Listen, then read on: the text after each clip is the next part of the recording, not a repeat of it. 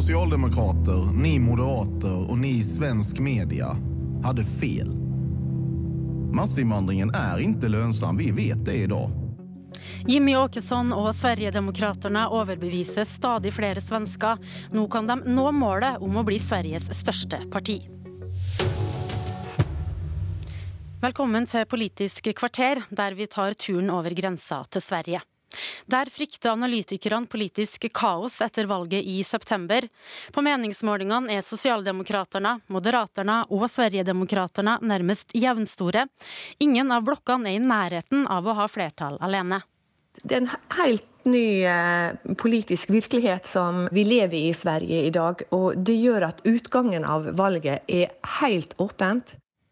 Slik beskriver Cecilie Tenfjord Toftby situasjonen. Hun er norsk, bor i Sverige og er folkevalgt for Høyres søsterparti, Moderaterna, i Riksdagen.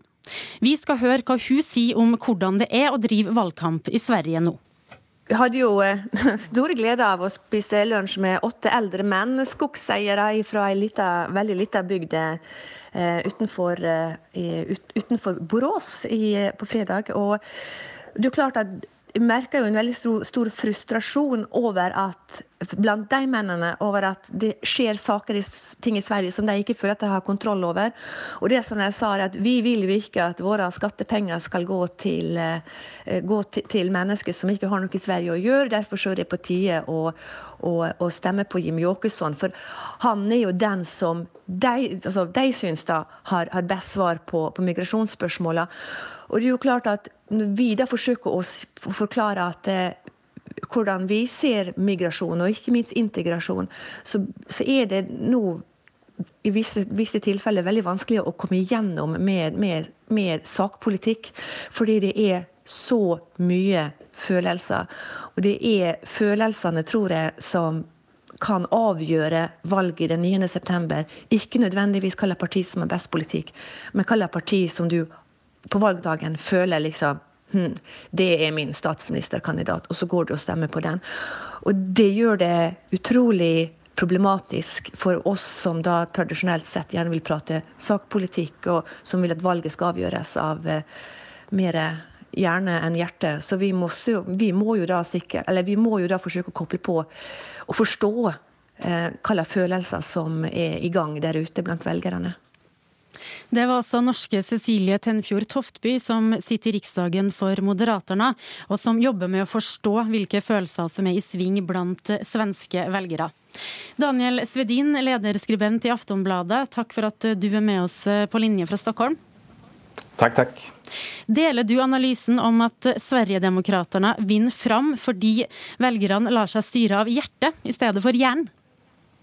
Ja, fast egentligen så är inte det något unikt för Sverigedemokraterna utan det är någonting som alla partier som har varit framgångsrika har varit väldigt duktiga på att förstå att man måste kombinera eh, rationalitet med känsla så att säga. Och det som är problemet idag är väl att Sverigedemokraterna har det absolut starkaste känsloargumentet att Sverige håller på att gå åt helvete. Eh, och det är väldigt svårt att argumentera emot det. Eh, vi vet ju att det finns en rad internationella mätningar och undersökningar som visar att Sverige går väldigt, väldigt bra. Men eh, det går liksom inte bara att vinna på det utan man måste ha ett känslomässigt argument eh, för sin egen sak så att säga från eh, de konkurrerande partierna. Och det upplever jag väl kanske att varken socialdemokrater eller eh, moderater idag har. Eh, Klas Arvidsson, eh, författare och politisk kommentator i Svenska Dagbladet. Du bor här i Oslo och är i studio. Välkommen. Tack för det. For fire år siden så var det bare Sverigedemokraterna som snakka om å begrense eh, innvandringa, som hadde her problembildet som de nå ser ut til å vinne velgere på. Nå kappes Sosialdemokraterna og Moderaterna om å ha den strengeste innvandringspolitikken. Hva ligger bak? Ja, det som ligger bak är ju då att vi då har, hade en alldeles speciell och akut situation 2014 2015. 2014 så kom det då 81 000 asylsökande och 2015 162 000 asylsökande. Och det ledde till en helt ohållbar situation. Och då ska man då komma ihåg att redan i valrörelsen 2014 så ställde människor frågor om hur ska ni politiker hantera den här frågan? och politikerna nonchalerade den. Ja, vad tror du är grunnen till att de etablerade partierna nå inte får uttelling för sin nya stränga linje i invandringsdebatten? Alltså den viktigaste förklaringen är väl den att det är Sverigedemokraterna som är så kallad sakägare vad gäller de frågor som rör migration, lag och ordning och integration. Och det är de tre frågor som ligger i topp vad gäller vad människor tycker är viktigt i valrörelsen. Da dekket valget i Sverige i 2014, så var det vanskelig å få folk til å snakke åpent om at eh, de stemte på Sverigedemokraterna. Har det blitt mer stuerent i Sverige nå å si høyt at eh, ja, jeg stemmer på Jimmy Åkesson? Så är det absolut, även om det då fortfarande är en väldig skillnad på att säga att jag är socialdemokrat och sverigedemokrat. Men visst, det, överhuvudtaget är det så att eh, Sverigedemokraterna trots sin bakgrund då har blivit ett mer accepterat parti.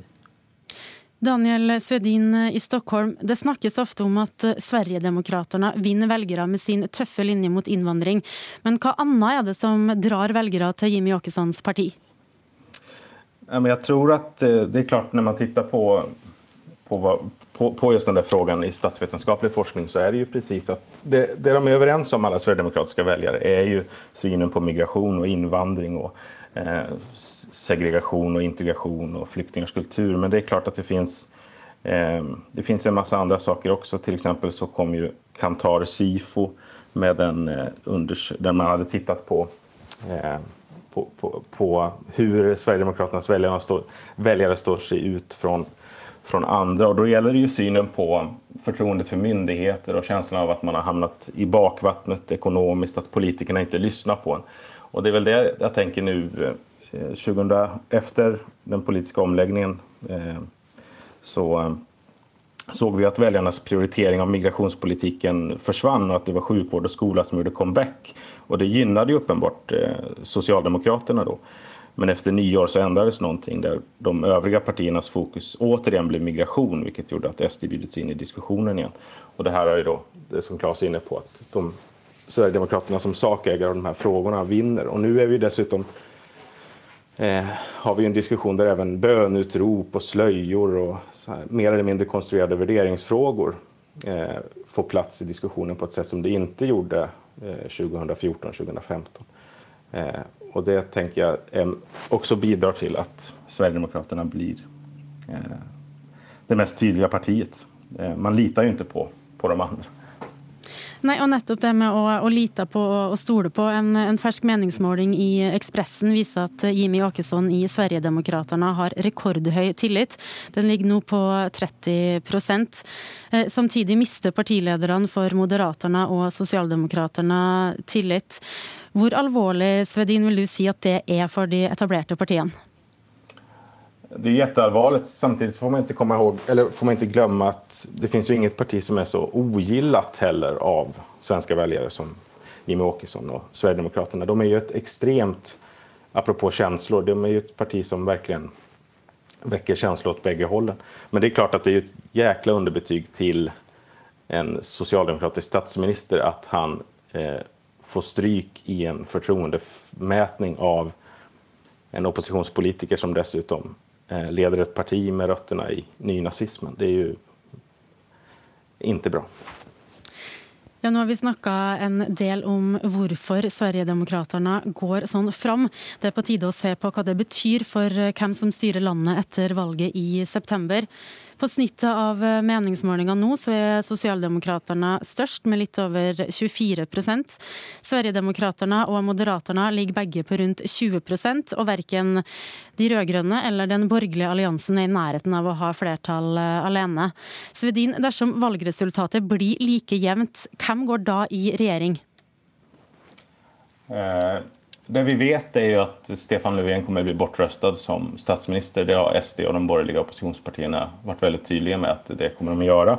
Eh, sen är ju frågan vem som kommer kunna tillträda på det här. Jag har jättesvårt att se.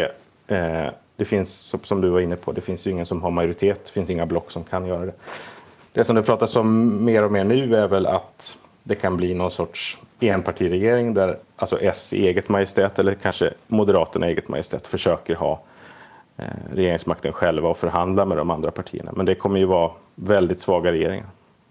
Klas Arvidsson, eh, i Sverige så utelukker lederen for Moderaterna å gå i regjering med Sverigedemokraterna.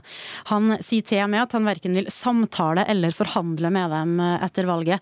Er det et løfte han blir tvunget til å bryte? Jag tror att eh, situationen kommer att vara helt öppen efter, eh, efter valet. Eh, som Daniel var inne på så får vi då en mycket komplicerad regeringsbildningssituation där eh, en, en faktor är att blocken egentligen är i upplösning både på vänstersidan och eh, den borgerliga alliansen. Eh, och eh, givet att eh, Sverigedemokraterna har den eh, position som de har så tror jag att det är naturligt att det kommer att bli samtal, förhandlingar. Däremot ser jag det som helt uteslutet att eh, man skulle släppa in eh, Sverigedemokraterna i regeringen. Så mitt tips är en eh, enpartiregering med, eh, som leds av Kristersson. Här hemma så ser vi ju att eh, har tagit Frp in eh, i, valget, in, i, in i varmen. Frp och Sverigedemokraterna är olika partier. Kan du säga lite om varför Sverigedemokraterna är så omstritt i svensk politik och att eh, det är utelukka för Moderaterna att gå i regering med dem? Alltså det har ju då att göra med eh, Sverigedemokraternas förflutna som då har en viss anknytning till nazismen. Men det är ju också så att du fortlöpande har ett antal företrädare, företrädesvis på lokal nivå, som säger saker som inte är så roliga om man säger så. Mm. Den tidigare finansministern i Moderaterna har tagit till orda för att eh, Moderaterna och hovedfienden historisk, eh, Socialdemokraterna, ska gå i regjering sammen. Hva vil du si er eh, sannsynligheten for at det blir løsninga?